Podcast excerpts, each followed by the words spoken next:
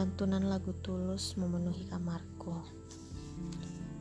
Menebak takdir terlalu mudah, tapi sulit untuk dibenarkan. Harapan menjadi diam ketika horoskop mengatakan tidak.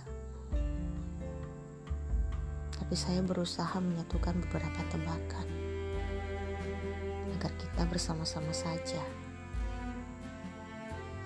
Hentikan kejahatan, teruslah apa adanya. Diam-diam berbuat baik, terang-terangan berbuat jahat.